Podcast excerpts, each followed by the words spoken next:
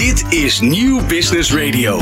Welke macro-economische ontwikkelingen zijn er? Hoe gaan de politiek en sectoren ermee om? Vanuit meerdere invalshoeken belichten we elke week een andere ontwikkeling. Dit is Trending Today met Ron Lemmens. Enkele tientallen gemeenten hebben aangekondigd een zero-emissiezone in te gaan stellen. Waaronder bijvoorbeeld Amsterdam en Rotterdam. De eerste zero-emissiezones zullen vanaf 2025 van kracht zijn. Dit komt voort uit het Nationale Klimaatakkoord uit 2019 en staat los van het Europese Fit for 55-plan. In de praktijk betekent dit voor ondernemers met bijvoorbeeld een bestelwagen die rijdt op benzine of diesel, dat er over anderhalf jaar geen klusje meer aangenomen kunnen worden in de zero-emissiezones die sommige gemeentes dan hebben ingesteld.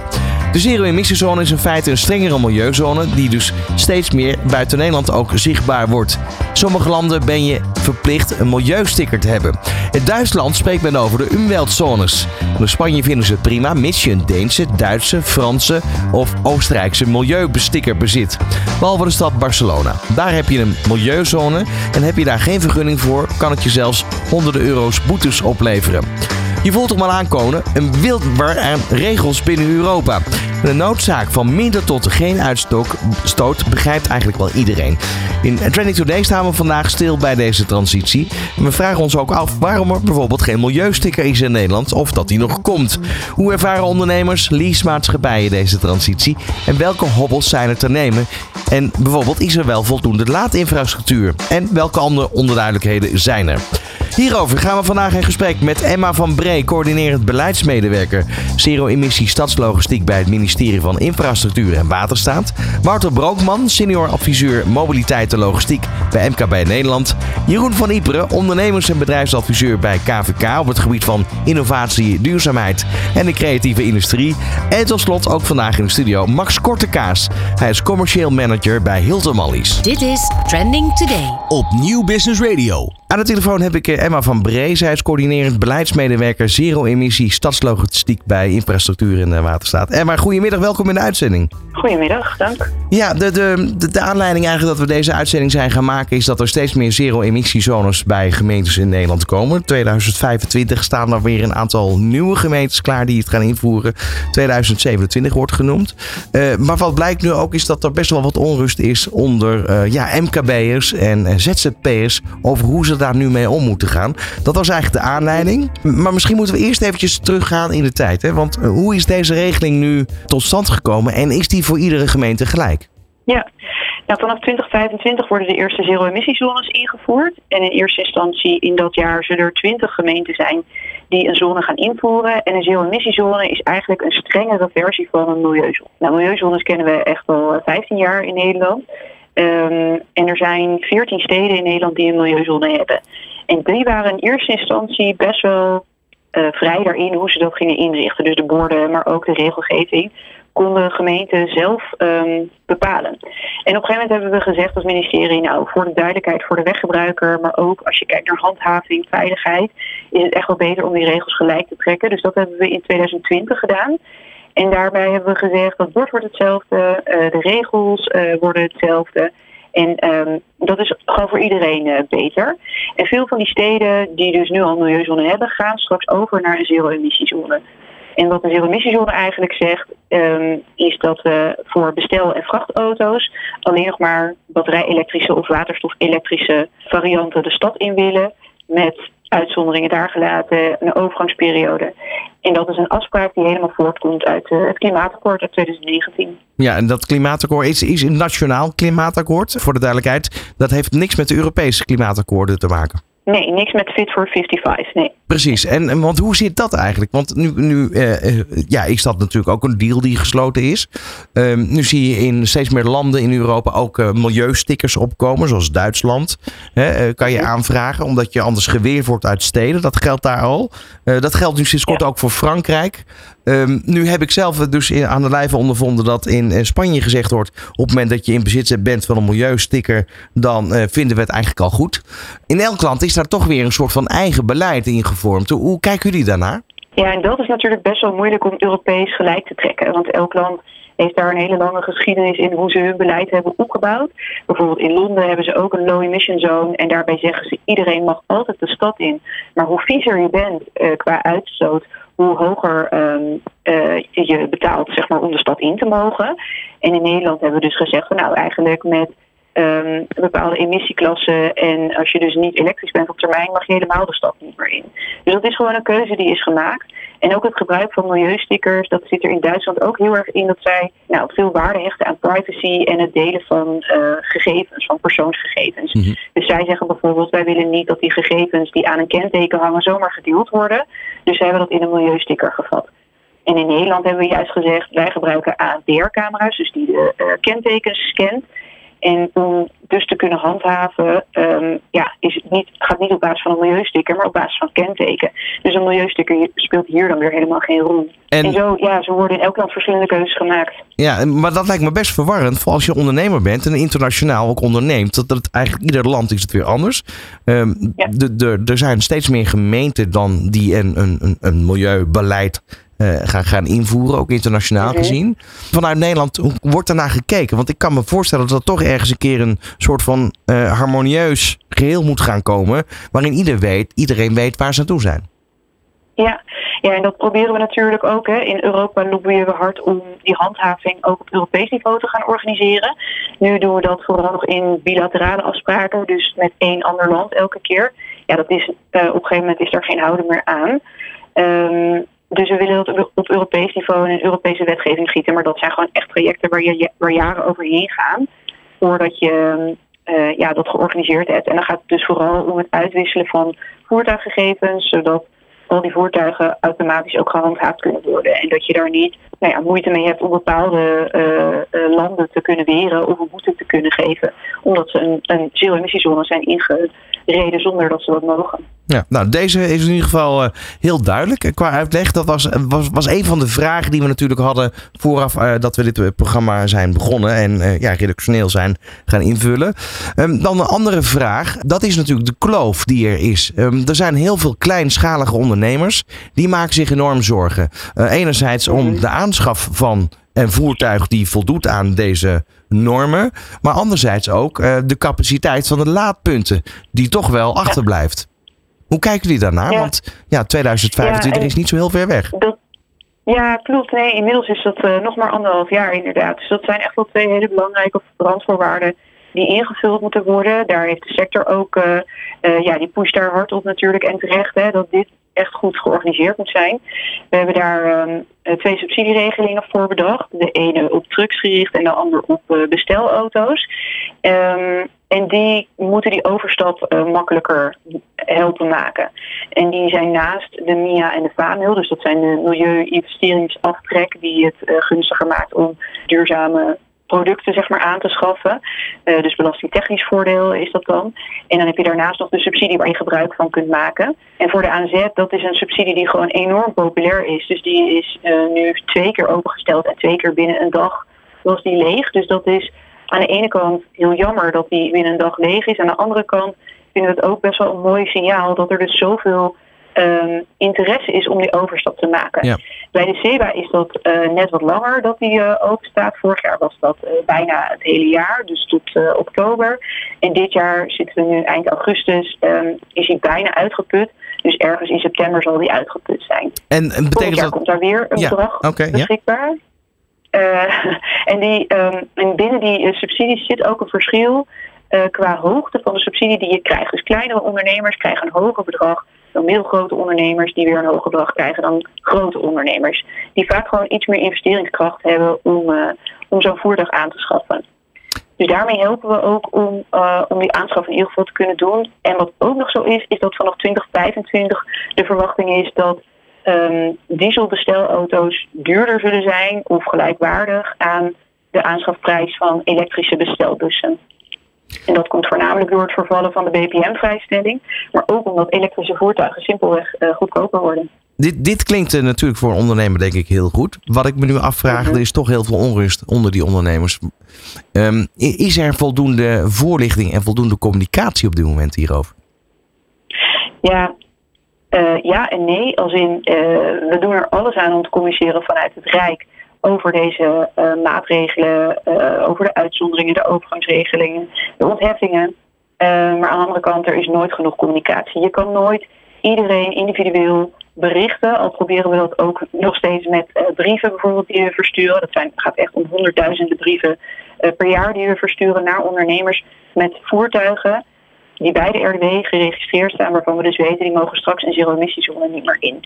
Dus eigenlijk elke ondernemer heeft wel een keer een brief gehad. Nou, dat die dan ergens tussen wal en Schipperland kan ik me. Daar heb je altijd een kans op natuurlijk. Dat is, dat is soms lastig. Um, maar daarnaast hebben we ook campagnes op websites van dealers bijvoorbeeld, maar ook um, uh, via alle brancheorganisaties. Want we doen het ook echt nadrukkelijk samen met de sector en met gemeenten. Brancheorganisaties en gemeenten hebben ook allemaal hun eigen vormen van uh, communicatie. Dus bijvoorbeeld nieuwsbrieven, maar ook uh, voorlichtingsbijeenkomsten. Bijna elke gemeente heeft nu echt uh, grote, één of meerdere voorlichtingsbijeenkomsten gehad. En dat helpt ook heel erg om bekendheid te geven aan die regelgeving. Ja, dit is heel duidelijk. Je zegt al van, er zijn dus eigenlijk als het ware subsidiepotjes gecreëerd die soms leeg zijn. Ik kan me voorstellen dat voor een ondernemer best wel raar is dat je uh, dan even moet wachten. Hoe, hoe is zo'n ja. zo, zo, zo'n tussenperiode? Hoe, hoe gaat die communicatie? Moet je gewoon vaak op de website kijken, uh, uh, kijken of de subsidieregeling weer opnieuw aan te vragen is? Hoe, hoe werkt dat? Nou, dat gaat eigenlijk heel officieel via de staatscourant. En daarin uh, ja, moet je gewoon volgens de regels van de overheid je uh, subsidies, je voorgenomen subsidies publiceren en ook het subsidieplafond, dus voor welk bedrag die uh, het jaar erop wordt opengesteld. en bijvoorbeeld voor de SEBA voor volgend jaar, dus de subsidie voor bestelauto's, die gaat volgend jaar januari gaat die weer open. En dan zullen we in uiterlijk november moeten publiceren in de staatscourant wanneer die open gaat, met welk bedrag en waar die aangevraagd kan worden. Dus dat zal, en wat de, wat de regels zijn. Dus het wordt altijd officieel gepubliceerd. Maar daarnaast vindt dat natuurlijk ook, wordt het meegenomen in alle communicatie die we doen over zero-emissie stadslogistiek. En hetzelfde geldt ook voor de AZ hoor, die ook gewoon volgend jaar weer open gaat. Dus de subsidie voor de trucks. Ja, en we hebben nog nu ook, omdat de AZ zo populair was uh, in mei, toen die open ging dit jaar, hebben we gezegd, uh, ja, we willen proberen om daar een extra bedrag uh, naartoe te sluizen. Nou, daar zijn we nog steeds mee bezig, maar ik uh, verwacht daar dat we in september daar iets over kunnen zeggen. En dat, daar, um, ja, dat er dus ook iets gebeurt in de tussenperiode, zeg maar. Ja. We zitten niet uh, stil. Nu, nu uh, verwacht je eigenlijk uh, dat de klimaat als het ware zo geschept is, uh, ge, gemaakt is, um, dat dat goed moet komen. Um, wat, wat vinden jullie van het percentage aan elektrische bestelbusjes bijvoorbeeld? Dat is nog vrij laag. Gaat dat mm -hmm. in, in dusdanig anderhalf jaar tijd groeien? Is, is dat realiseerbaar? Vraag me af. Ja, we hebben een overgangsregeling die zegt dat bestelbussen met um, uh, emissieklasse 5 en 6 nog een paar jaar door mogen rijden. Dus emissieklasse 5 mag nog twee jaar doorrijden en emissieklasse 6 nog drie jaar. Dus wat ik ook wel zie is dat een heel groot deel van het huidige wagenpark bestaat al uit emissieklasse 5 en 6. Want dat zijn gewoon simpelweg ja. de nieuwe voertuigen van de afgelopen jaren. Nou, als je uitgaat van een afschrijftermijn van bijvoorbeeld een jaar of zes, dan vallen heel veel van die bestelauto's al per definitie in de categorie dus, die dus iets langer mag doorrijden. En het is ook nog eens zo dat lang niet alle bestelauto's in een zero-emissiezone hoeven te komen. Een heel groot deel van Nederland komt nooit in een zero-emissiezone. En we hoeven dus ook helemaal het voertuig niet te vervangen. Okay. Dus je hoeft niet 1 miljoen voertuigen te gaan vervangen. Dit is een hele duidelijke. kijken naar andere logistieke uh, concepten. Ja.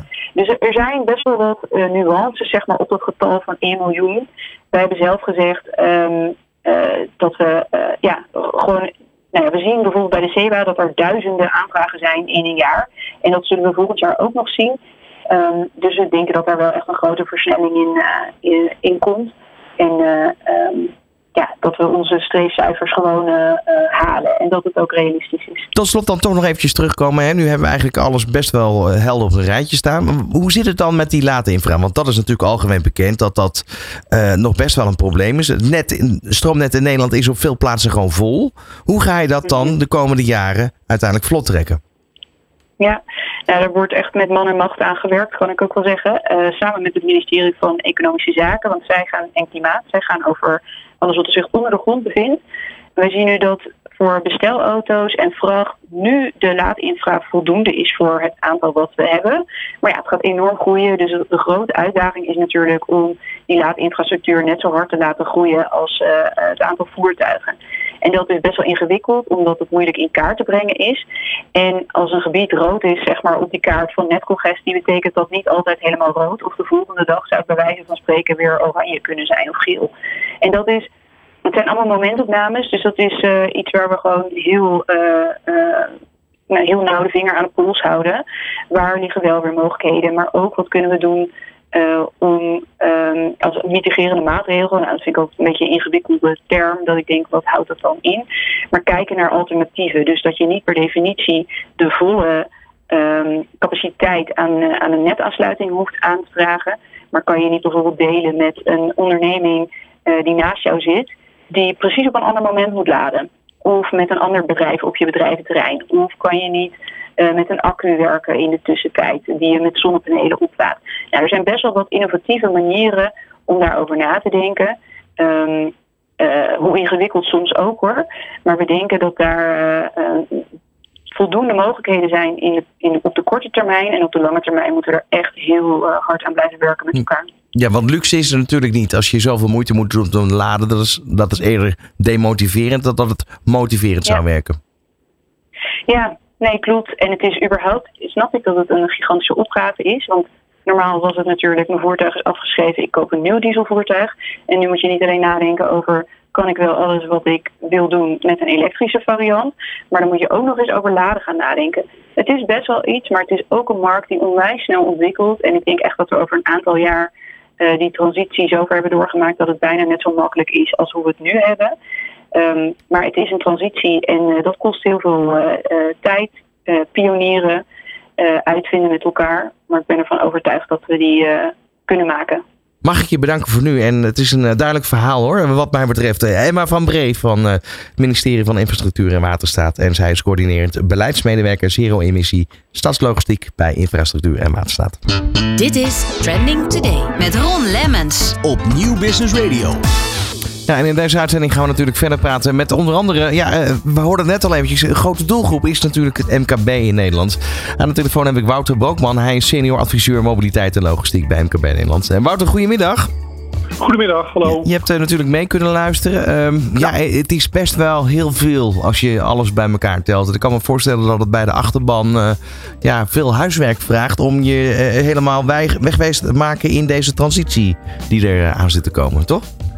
Nee, absoluut. De vorige spreker gaf het eigenlijk zelf al aan. Hè. Daar komt heel veel, heel veel ondernemers af. Er wordt veel van gevraagd. Het is een hele, hele stap om deze transitie te maken. Dus uh, nou ja, zeker het voorafgaand hieraan uh, is dat zeker te horen. Absoluut. Ja.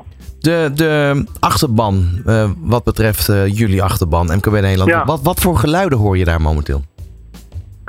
Ja, heel veel ondernemers, dat komt natuurlijk steeds dichterbij. Hè. Dat, dat wordt ook gezegd. Hè. 1 januari 2025 is, is best dichtbij.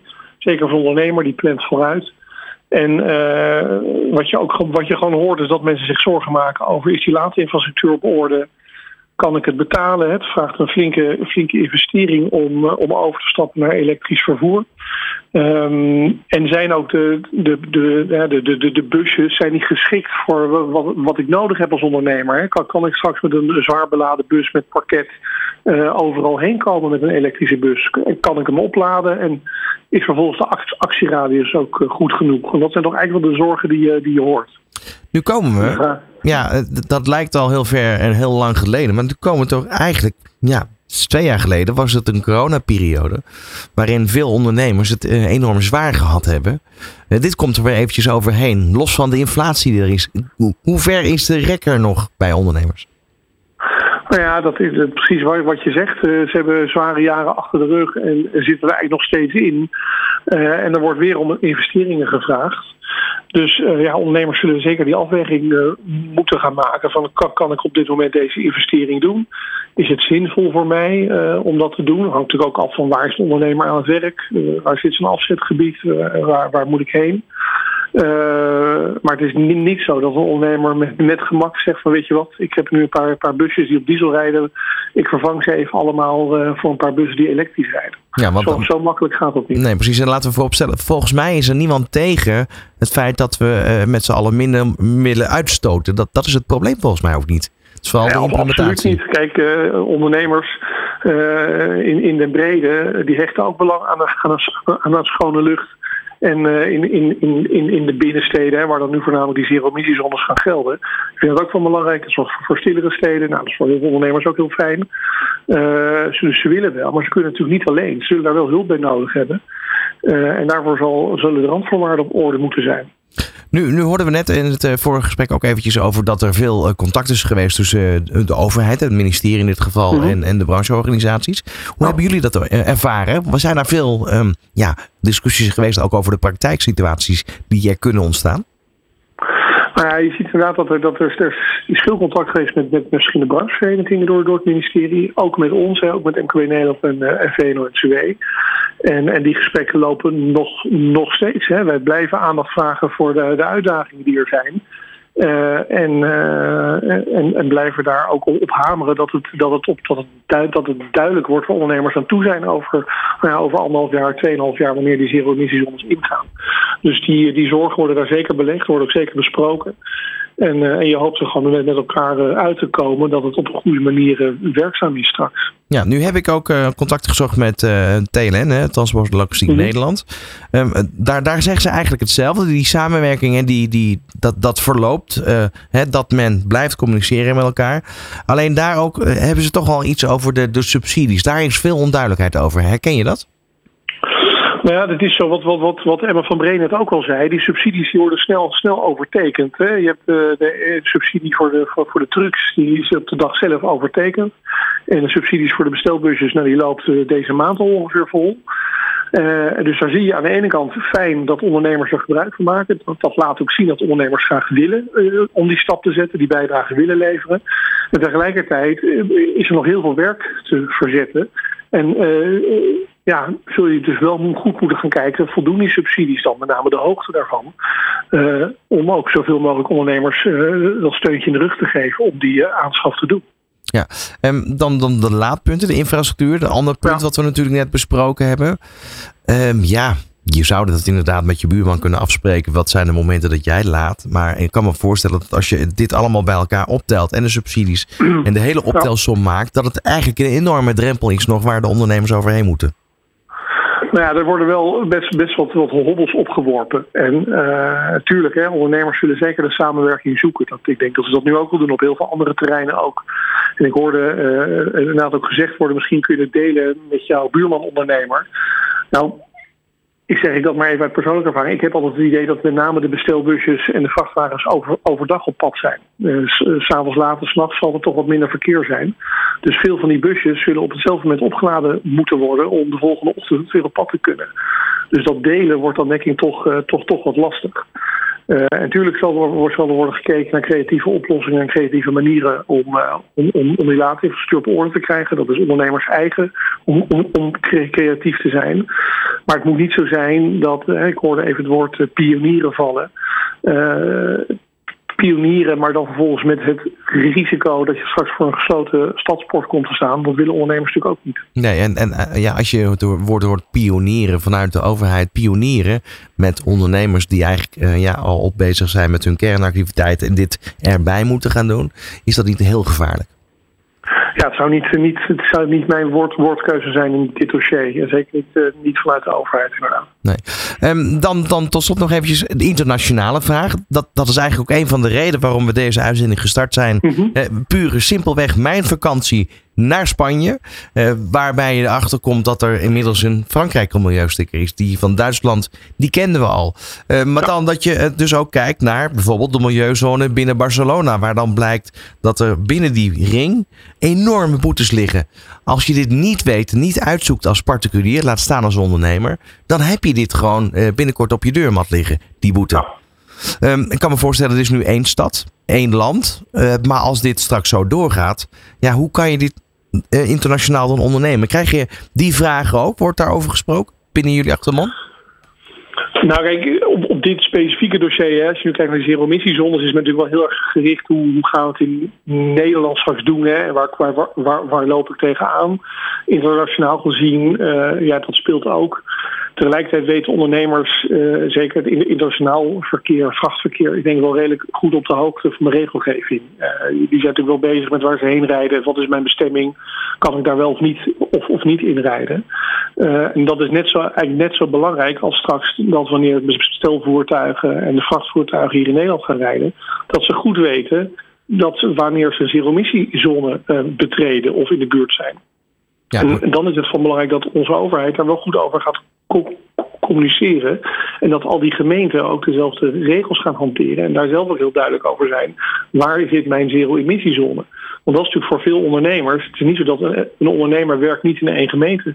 Die werkt ook in veel meer gemeenten, gelukkig maar. Maar het moet voor hem of haar wel duidelijk zijn waar hij dan aan moet voldoen. Ja, met name denk ik dat iedereen gebaat is bij het feit dat er een eenduidig beleid is. Wat geldt eigenlijk voor alle Europese landen. Dat, dat is iedereen Absoluut. een beetje mee eens. Ja, dat, dat helpt altijd natuurlijk. Ja. Alleen, daar zijn we nog lang niet. Dat is eigenlijk wel de conclusie voor nu. En voor Nee. nu ook dankjewel, eh Wouter Brookman. En ja, we, gaan het, eh, we, we blijven het allemaal op de, op de voet volgen. En eh, hopen dat het, eh, dat het uiteindelijk snel goed gaat komen. Hartstikke mooi, bedankt. Ja, in de studio is eh, vandaag ook aangeschoven Max Kortekaas van Hilton Lease, commercieel manager. Max, eh, welkom. Dankjewel. Eh, ja, je hebt het nu ook allemaal een beetje eh, aangehoord. Nou, de doelgroep MKB is natuurlijk ook de doelgroep waarbij jullie eh, adviezen Ja. uitbrengen over het aanschaffen, al dan niet van elektrische auto's. Zeker. Ehm, hoe zie jij dat nu? Vanaf het moment dat het klimaatakkoord er was in Nederland, 2019 tot nu. Ja. Nou ja, eh, in eh, die zin, wij zijn natuurlijk ondernemer zelf. En eh, wij adviseren natuurlijk ondernemers. Dus in, ja, je komt eigenlijk op tweeledig kom je in de aanraking met die opmerking van... hey, we moeten naar zero-emission zones en we moeten naar veel meer uitstootvrij. Dat brengt bij ons intern natuurlijk de vraagstukken over restwaardes en over investeringen met zich mee. Maar uiteraard ook voor de ondernemers die wij bedienen. In de adviserende zin over een Ja. Daar, eh, ja, daar zijn de koppen wel even voor bij elkaar gegaan. We gaan daar straks uitgebreid over praten. We gaan ook nog eventjes uh, ja, zometeen een contact hebben met Jeroen van Iperen van KVK. Hij is ondernemers- en bedrijfsadviseur dus binnen KVK op het gebied van innovatie, duurzaamheid en de creatieve industrie. Dit is Trending Today. Op Nieuw Business Radio. Ja, de organisatie waar natuurlijk ook veel beginnend ondernemers zich melden, en wellicht ook andere ondernemers, is natuurlijk de Kamer van Koophandel. Aan de telefoon heb ik Jeroen van Iperen. Hij is ondernemersbedrijfsadviseur bij de KVK op het gebied van innovatie, duurzaamheid en ook voor de creatieve industrie. Um, Jeroen, welkom bij Trending Today. Dankjewel. Ja, wij zijn natuurlijk onwijs benieuwd naar um, op het moment dat mensen een bedrijf starten en dan ook op het gebied van mobiliteit een beslissing moeten nemen, uh, wellicht uh, ja, uh, ook bij jullie terecht gaan uh, komen om daar toch de vraag neer te leggen. Wat is nu verstandig? Waar moet ik op letten? Of valt dat mee? Nee, ik, ik, moet je zeggen dat die vraag niet in grote getalen gesteld wordt aan de KVK. Maar hij komt, hij komt zeker voorbij, omdat het natuurlijk gewoon een, een relevant thema is. En ook gewoon soms heel praktisch ingestoken, hè, van waar doe ik goed aan. En dan uh, soms breng je duurzaamheid in. En dan uh, hebben mensen zoiets van, nou daar had ik nog helemaal niet over nagedacht. Want, want inderdaad, je zegt je brengt het in. Ik kan me voorstellen als jij een bedrijf start, dat dat, dat thema wellicht, hè, dat kan natuurlijk een, een, reden zijn om je bedrijf te starten. Maar op het moment dat je andere activiteiten gaat deployen, dat dat misschien nog niet helemaal op de radar staat. Omdat er nog zoveel andere elementen zijn waar je rekening mee moet houden. Klopt. Nee, klopt. Dat, uh, dat, dat, dat heb je denk ik helemaal juist. Hè? Van uh, mobiliteit staat niet op punt 1 waar je, waar je gelijk over nadenkt van hoe ga, ik dat, uh, hoe ga ik dat invullen. En zeker ga ik dat duurzaam doen, bij wijze van spreken. Hoe, hoe heb je dat zien ontwikkelen de afgelopen jaren? Want de, milieu, de milieuzones die kennen we al een tijdje. maar ja. straks komen die zero-emissiezones. Dat is toch even een ander verhaal. Dat is zeker een ander verhaal. En ook ondernemers die ik daarover spreek, die zijn daar ook door verrast. En met name ook over de termijn waar het ingevoerd gaat worden. Als we gewoon even op de kalender kijken, dan kunnen we bijna zeggen dat dat over één jaar en drie maanden is. En uh, ja, dat verrast sommige ondernemers echt wel. Ja, en zijn dat dan ondernemers die je kan scharen onder beginnend ondernemers? Of, of, zie je dat ook eigenlijk bij ondernemers die langer al aan het ondernemen zijn? Nou, dat zijn zeker niet alleen beginnend ondernemers. Dat zijn ook echt wel ondernemers die gewoon inderdaad al, wij spreken, vele jaren ondernemen. En die zich gewoon heel praktisch afvragen van hoe kom ik bij mijn eindklant?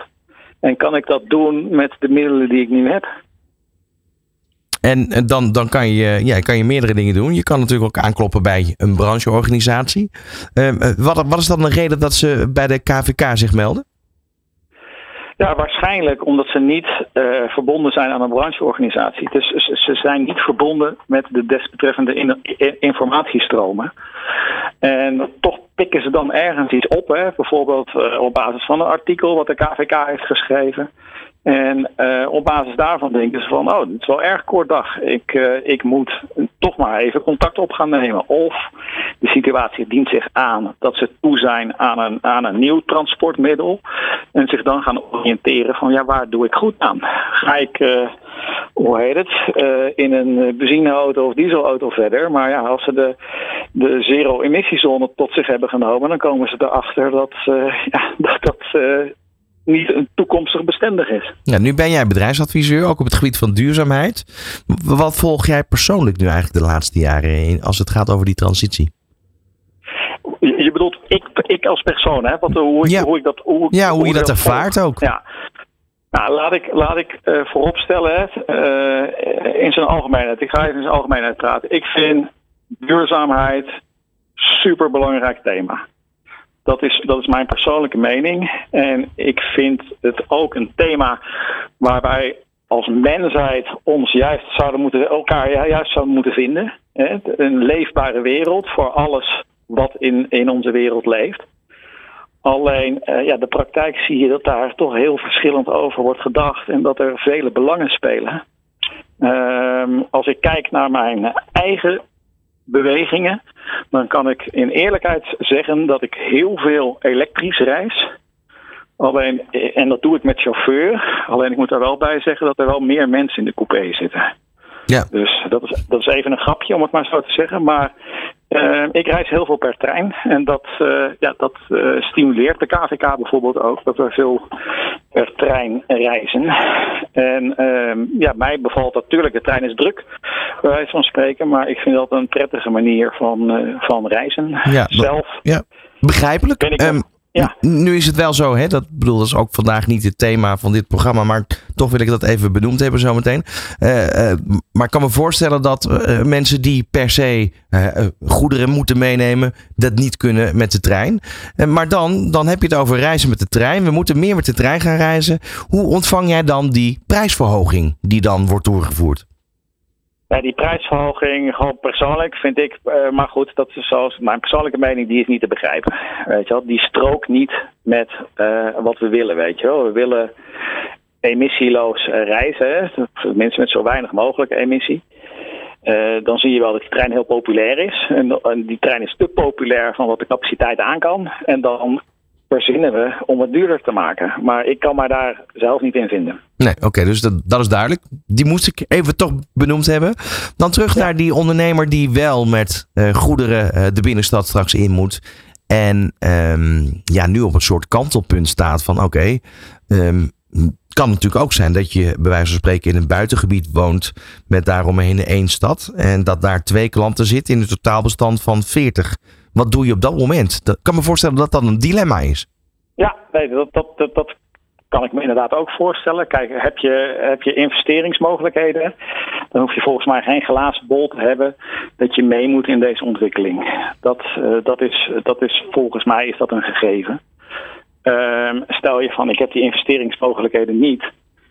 Dan zou je kunnen kijken van uh, kan ik bijvoorbeeld samenwerken in mijn netwerk. Weet je wel? Dus dat iemand een vervoersmiddel heeft wat jij voor het feit dat het feit zich aandient dat je die twee specifieke klanten moet bedienen, dat je dan een duurzaam vervoersmiddel tot je beschikking hebt.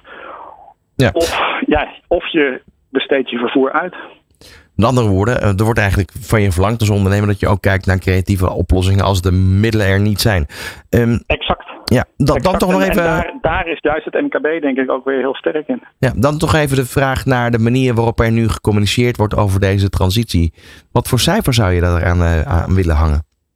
Oeh, dat vind ik best lastig voor de mensen die zich mee bezighouden. Ik, ik wilde eigenlijk geen cijfer aan koppelen, maar ik wil wel gewoon op basis van gesprekken die ik met ondernemers voer, die voelen, ja, die voelen zich toch wel verrast, weet je wel. En, en dat, dat impliceert wel dat er qua communicatie nog uh, veel te winnen is. En dat dat vooralsnog ook nog niet iedereen bereikt heeft. Als jij, als jij niet verbonden bent met een brancheorganisatie, snap je, je bent gewoon met je business bezig. Je wil gewoon je klanten bedienen. Dan kan ik me voorstellen dat deze info je nog niet bereikt heeft. En ja, dat is geen goede zaak natuurlijk. Nee. Hoe, hoe ga je de ontwikkeling verder volgen tot aan 2025 namens de KVK? Ja, op de voet zou ik zeggen. Ik vind het sowieso gewoon een heel interessant uh, thema. En um, ja, we proberen zoveel mogelijk ook mijn collega's van content zoveel mogelijk te informeren over regels en ook de uitzonderingen. Want een regel uh, die wordt vaak redelijk beperkt uh, toegelicht. Maar ook bijvoorbeeld voor zere emissiezones, dat heb je misschien zelf ook gezien, gelden ook nog een hoop uitzonderingen. En uh, is natuurlijk niet de doelstelling van, van, van de serie emissiezone, maar een aantal zaken die kunnen gewoon nog even een tijdje door, bij wijze van spreken. En dat kan voor ondernemers net wat ruimte bieden. Ja, dus met andere woorden, eh, als ondernemer is jouw tip ook: doe je huiswerk goed en uh, kijk naar uh, alle ja, wetgeving, hoe die dan ook geformuleerd is. Ja, zeker, zeker. En als je, ja, kijk, als je zelf zegt van ik, ik, ik heb daar de tijd of de interesse niet in om me daarin te verdiepen, ja, praat met je omgeving of win je informatie elders in. Dankjewel voor nu. Jeroen van Iperen van de Kamer van Koophandel. Dit is Trending Today. Op Nieuw Business Radio. Ja, in de studio gaan we verder praten met uh, Max Kortkaas van Hilton Van Lies. Hij is commercieel manager daar. Uh, ja, Max, we hoorden je net al eventjes heel kort. Um, als je dit verhaal zo hoort, dit is natuurlijk Kamer van Koophandel. Een beetje ja. andere doelgroep dan alleen puur SEC MKB. Ja. Um, wat, wat zie je daar herkenbare elementen in die jij ook uh, ja, merkt met gesprekken die er nu plaatsvinden op dit moment met ondernemers? Ja, ja zeker vooral uh, nou ja, wat de vorige spreker ook zei, het, het adviseren en het, het woord verkondigen. Daar, uh, daar hebben wij natuurlijk ook een grote rol in. We hebben heel veel klanten en uh, ik midden in een klein bedrijf. En ja, wij zijn natuurlijk bij uitstek degene die moeten gaan vertellen aan onze klanten wat er aankomt. En ze daar op tijd over informeren en adviseren. Ja, want als je in een glazen bol kijkt, dan kan je ook uh, nu al kijken. Wat, wat rijdt er nu al elektrisch? Ja. En over het algemeen zijn dat de grotere bedrijven in uh, ja. Nederland. Ja. Ja, dat zie je inderdaad. Hè. Die, uh, vooral die investeringsbereidheid, investeringsmogelijkheid die dat soort bedrijven hebben. Uh, die hebben vaak hele afdelingen die zich daarmee bezighouden. En ook zodoende daardoor snel kunnen anticiperen op deze verandering. Ja, wat zou dat kunnen doen met het straatbeeld? Als je puur kijkt naar bijvoorbeeld de winkeliers in Nederland. Ja, ja uh, als je kijkt straks in de binnenstad, dan kun je best wel eens de, de kruidenier, de kleine ondernemer, gaan missen. Omdat uh, er toch weer uh, een stukje meer monopolie komt voor de grotere bedrijven. Ja, maar goed, dan heb je uh, natuurlijk leasemaatschappijen, zoals bijvoorbeeld jullie als voorbeeld. Ja. Um, dan hebben we een aantal eigenlijk, ja, nou zeg maar segmenten waar we het over zouden kunnen hebben. We kunnen het ja. hebben over groot transport, dus echt de, trucks in Nederland. Ja. Um, is daar al een truck te noemen die helemaal voldoet aan de eisen en waarbij je bij wijze van spreken door heel Nederland emissievrij kan rijden? Nou ja, in Nederland is het natuurlijk niet zo enorm groot. Dus uh, wij, uh, wij financieren ook trucks. En uh, ja, wij zien natuurlijk van, van alles voorbij komen in die zin. Um, en Nederland, omdat het zo'n kleinere land is, is, is het al bijna een, een distributieland te noemen. Dus mm-hmm. als je in het binnenland blijft, dan zijn er al wel oplossingen die volledig elektrisch jou ja, van A naar B kunnen brengen. Um, maar vooral qua ja, inzet duur en de laadtijden, daar, daar ligt wel een uitdaging. Want de efficiëntie is in het transport natuurlijk enorm belangrijk. En uh, daar zie je al snel dat het concurreren dan met een dieselvrachtwagen nog steeds wel lastig is. Ja, dan hebben we nu eigenlijk over hè, het laadpalen, dus laadinfrastructuur. Maar hoe is het eigenlijk met de discussie met waterstof? Want ook dat is natuurlijk iets wat, wat om de hoek komt kijken. Ja, ja uh, al jaren geleden werd daar natuurlijk al uh, in, ja, over gesproken en in geïnvesteerd. En je ziet nu de laatste tijd, de laatste jaren, zie je daar wel echt steeds meer op, op, ja, op terugkomen eigenlijk. En uh, ja, ik persoonlijk ben van mening dat dat voor de lange afstand, het lange afstand uh, transport zeker uh, de beste oplossing gaat, gaat worden. En dat ja, de stadsdistributie en de, de kleinere afstanden door volledig batterijen elektrisch zullen worden opgevangen. Ja, maar dan heb je het ook over de infrastructuur op het gebied van waterstof. ja, moet ergens gedenkt worden. Ja. Is dat dan voldoende aanwezig? Nou, nu nog niet. Hè. Dat is daar een beetje een inkopper. Maar dat is wel iets wat natuurlijk met vragen ook gaat komen. het is een infrastructuur die wel goed aan te leggen is. En uh, ja, naar verwachting de vraag wel gaat voorzien. Ja. Alleen, ja, wat is er eerst? Hè? Dan ben ik eens benieuwd hoe dat dan werkt. Hè? Bijvoorbeeld binnen jullie sector ook. Je, je krijgt te horen dat er zo'n klimaatakkoord is in 2019. Ja. Um, vervolgens moet je daar eigenlijk al mee aan de gang. Maar hoe wordt het dan geadopteerd bij jullie? Is dat iets wat door verschillende berichten die af en toe dan de revue passeren, dat er een keer een kort gesprekje plaatsvindt? Hoe gaat dat? Hoe ging dat toen? Ja, nou ja, eh, wat ik net al even kort in de intro aangaf. Uh, wij zijn natuurlijk zelf uh, ook ondernemer. En je krijgt in eerste instantie de boodschap van hey, dit gaat er komen.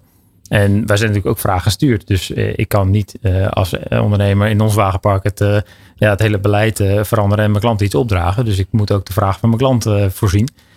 dus ja, die is vooral interessant van hey, wanneer gaat die klant eigenlijk bewegen op zo'n transitie. En dan moeten wij anticiperen. En als ondernemer weer gaan kijken, hey, wat betekent dat qua assets. Hè? Dus de, de, de, nou, de bus, de elektrische bus, de elektrische auto. Wat betekent dat voor ons ook weer in de restwaarde en in het onderhoudscijfer? En dan, eh, dan moeten wij aan het werk. Ja, dus dan, dan heb je het inderdaad over restwaarde. Dat is ook een hele belangrijke natuurlijk. Je Ja. doet een flinke investering. Is dat anders dan bij eh, fossiele brandstof gestuurde auto's? Of gedre- aangedreven auto's? Ja, dat is dus de grote vraag inderdaad. Dat weet je Eh, nog niet. Nee. Oké, ja. Maar eh, natuurlijk wel, eh, kijk, bij elektrische auto's hebben we daar inmiddels wel een behoorlijke ervaring in opgebouwd. En zien we ook dat die transitie steeds groter wordt. En dan mag je ervan ook vanuit gaan dat er een grotere vraag komt naar elektrische auto's. En ook in Europese landen om ons heen, waar je naartoe kan exporteren. Dus zolang die vraag blijft ontstaan, dan weet je ook dat je daar een, een goede restwaarde voor kan krijgen. Ja. Bij bedrijfswagens is het best wel een hele snelle transitie die we nu in één keer eh, ingeduwd worden eigenlijk vanwege die zero-emission zones. En dat brengt wel wat, ja, wat meer schuurpapier met zich mee. eh. Wanneer zag je die eerste ondernemers bewegen? Want daar zaten je natuurlijk op te wachten van wanneer komen ze nu? Wanneer Ja. was dat? Nou, dat, dat is al wel enkele jaren geleden. Kijk, eh, waar we het net over hadden, eh, de, de echt kleine ondernemer die vertoont wat meer uitstelgedrag. Maar dat heeft natuurlijk alles te maken met ja, de grote investering die gedaan moet worden. En even het afwachten van wat komt er op me af. Heb ik daar inderdaad, zoals de vorige spreker al zei, heb ik ook überhaupt klanten in dat verzorgingsgebied? Kan ik het afwegen door het hè, eh, misschien uit te besteden of misschien niet meer te gaan doen? Ehm, maar de wat grotere ondernemer, het middenklein bedrijf met ja, gewoon een, een groot aantal eh, ehm, auto's in zijn wagenpark. Ja, die zijn al veel eerder gaan anticiperen op deze ontwikkeling. En eh, zijn dan met pilots gestart. En dan met ja, ook nog de eerste auto's van elektrische met een elektrische aandrijving. Eh, dus eh, ja, die, eh, die waren al wat aan het anticiperen op wat er komt. Ja, een van de onderdelen die we natuurlijk besproken hebben, ook met het ministerie, was de communicatie daaromheen. Dus ik vraag me eigenlijk al- als eerste ook af van, vond je het raar dat ik met dit onderwerp kwam bij jullie? Of jullie hier iets over zouden willen zeggen? Of, of kan je zeggen van ja, als je goed je huiswerk doet, kan je alles vinden? Nou ja, natuurlijk is dat, is dat zo, maar niet voor iedereen is dit een thema. Kijk, ik ben dagelijks met auto's bezig. Wij als leasemaatschappij zijn dagelijks met auto's bezig. Maar een ondernemer die eh, ja, eh, eh, op een ladder staat met, met een kwast in zijn handen, die is niet dagelijks met zijn auto bezig. Die wil alleen dat de, de potten verf op de plek zijn waar hij ook is, zodat hij zijn werk kan doen. Dus nee, dat we daar met z'n allen een woord te verkondigen hebben en mensen moeten waarschuwen of in ieder geval laten anticiperen over wat er komen gaat, dat, dat is wel heel belangrijk. En dat doen we dan ook graag. Hè? Dus Ja. we zitten met een team van mensen ook klaar om, om ook ondernemers te helpen en eh, te woord te staan en eh, ook op afspraak te komen. Dus eh, Ja. Merk je dat, dat het nu zeg maar toeneemt in de gemeentes die straks vanaf 2025 die regeling echt gaan invoeren? Zie, zie je daar verschillen of is dat, want dat is natuurlijk, sommige gemeentes is pas net bekendgemaakt overigens. Ja, nou, ik, ik merk persoonlijk nog niet dat dat echt leidt tot een, een, een bijzonder grote vraag. Ja, wij zitten vlakbij Amsterdam, dus zijn per definitie al veel in die regio georiënteerd. En daar, daar speelt die vraag gewoon wel eh, steeds meer. Steeds meer en eh, dan toch ook weer die laadinfrastructuur, dat blijft gewoon een heikel punt. Ja, ja dat is wel eh, waar we het net met waterstof over hadden. Vraag en aanbod. En dan zie je dat het elektrische aanbod in één keer in, in auto's best wel heel snel gaat. Maar het elektrische aanbod in laden is nog marginaal. Maar wat hier vooral denk ik belangrijk is om te melden is... ja, er zijn wel snellaadstations en misschien ook wel voldoende laadstations. Maar ja, wat betaal je eigenlijk voor een kilowattuur? Eh, daar moet je ook bij stil gaan staan als je een elektrische auto of elektrische bus aanschaft. Want dat kan gewoon extreem van belang zijn op je exploitatiekosten. Dus daar, eh, ja, dat is, dat is een belangrijk. Ja, volgens mij is de bal rond, toch? Ja, absoluut. Volgens mij is het verhaal ook rond. Mag ik je danken voor de komst naar de studio? En ja, natuurlijk. Ja, we gaan het allemaal zien hoe het zich ontwikkelt. Met name ook op het Europees eh, vlak. Want internationaal hebben we het net al wel even spelenwijs over gehad. Eh, maar volgens mij moet dat wel snel, moet daar duidelijkheid gaan komen. Ja, ja, dat helpt. Zeker. Dankjewel. Ja. Tot zover deze aflevering van Trading Today. Bedankt voor het luisteren. Mocht je deze uitzending nog terug willen horen, dan kan dat natuurlijk via onze website nieuwbusinessradio.nl. Tot de volgende keer. Dit is Trending Today met Ron Lemmens. Op Nieuw Business Radio.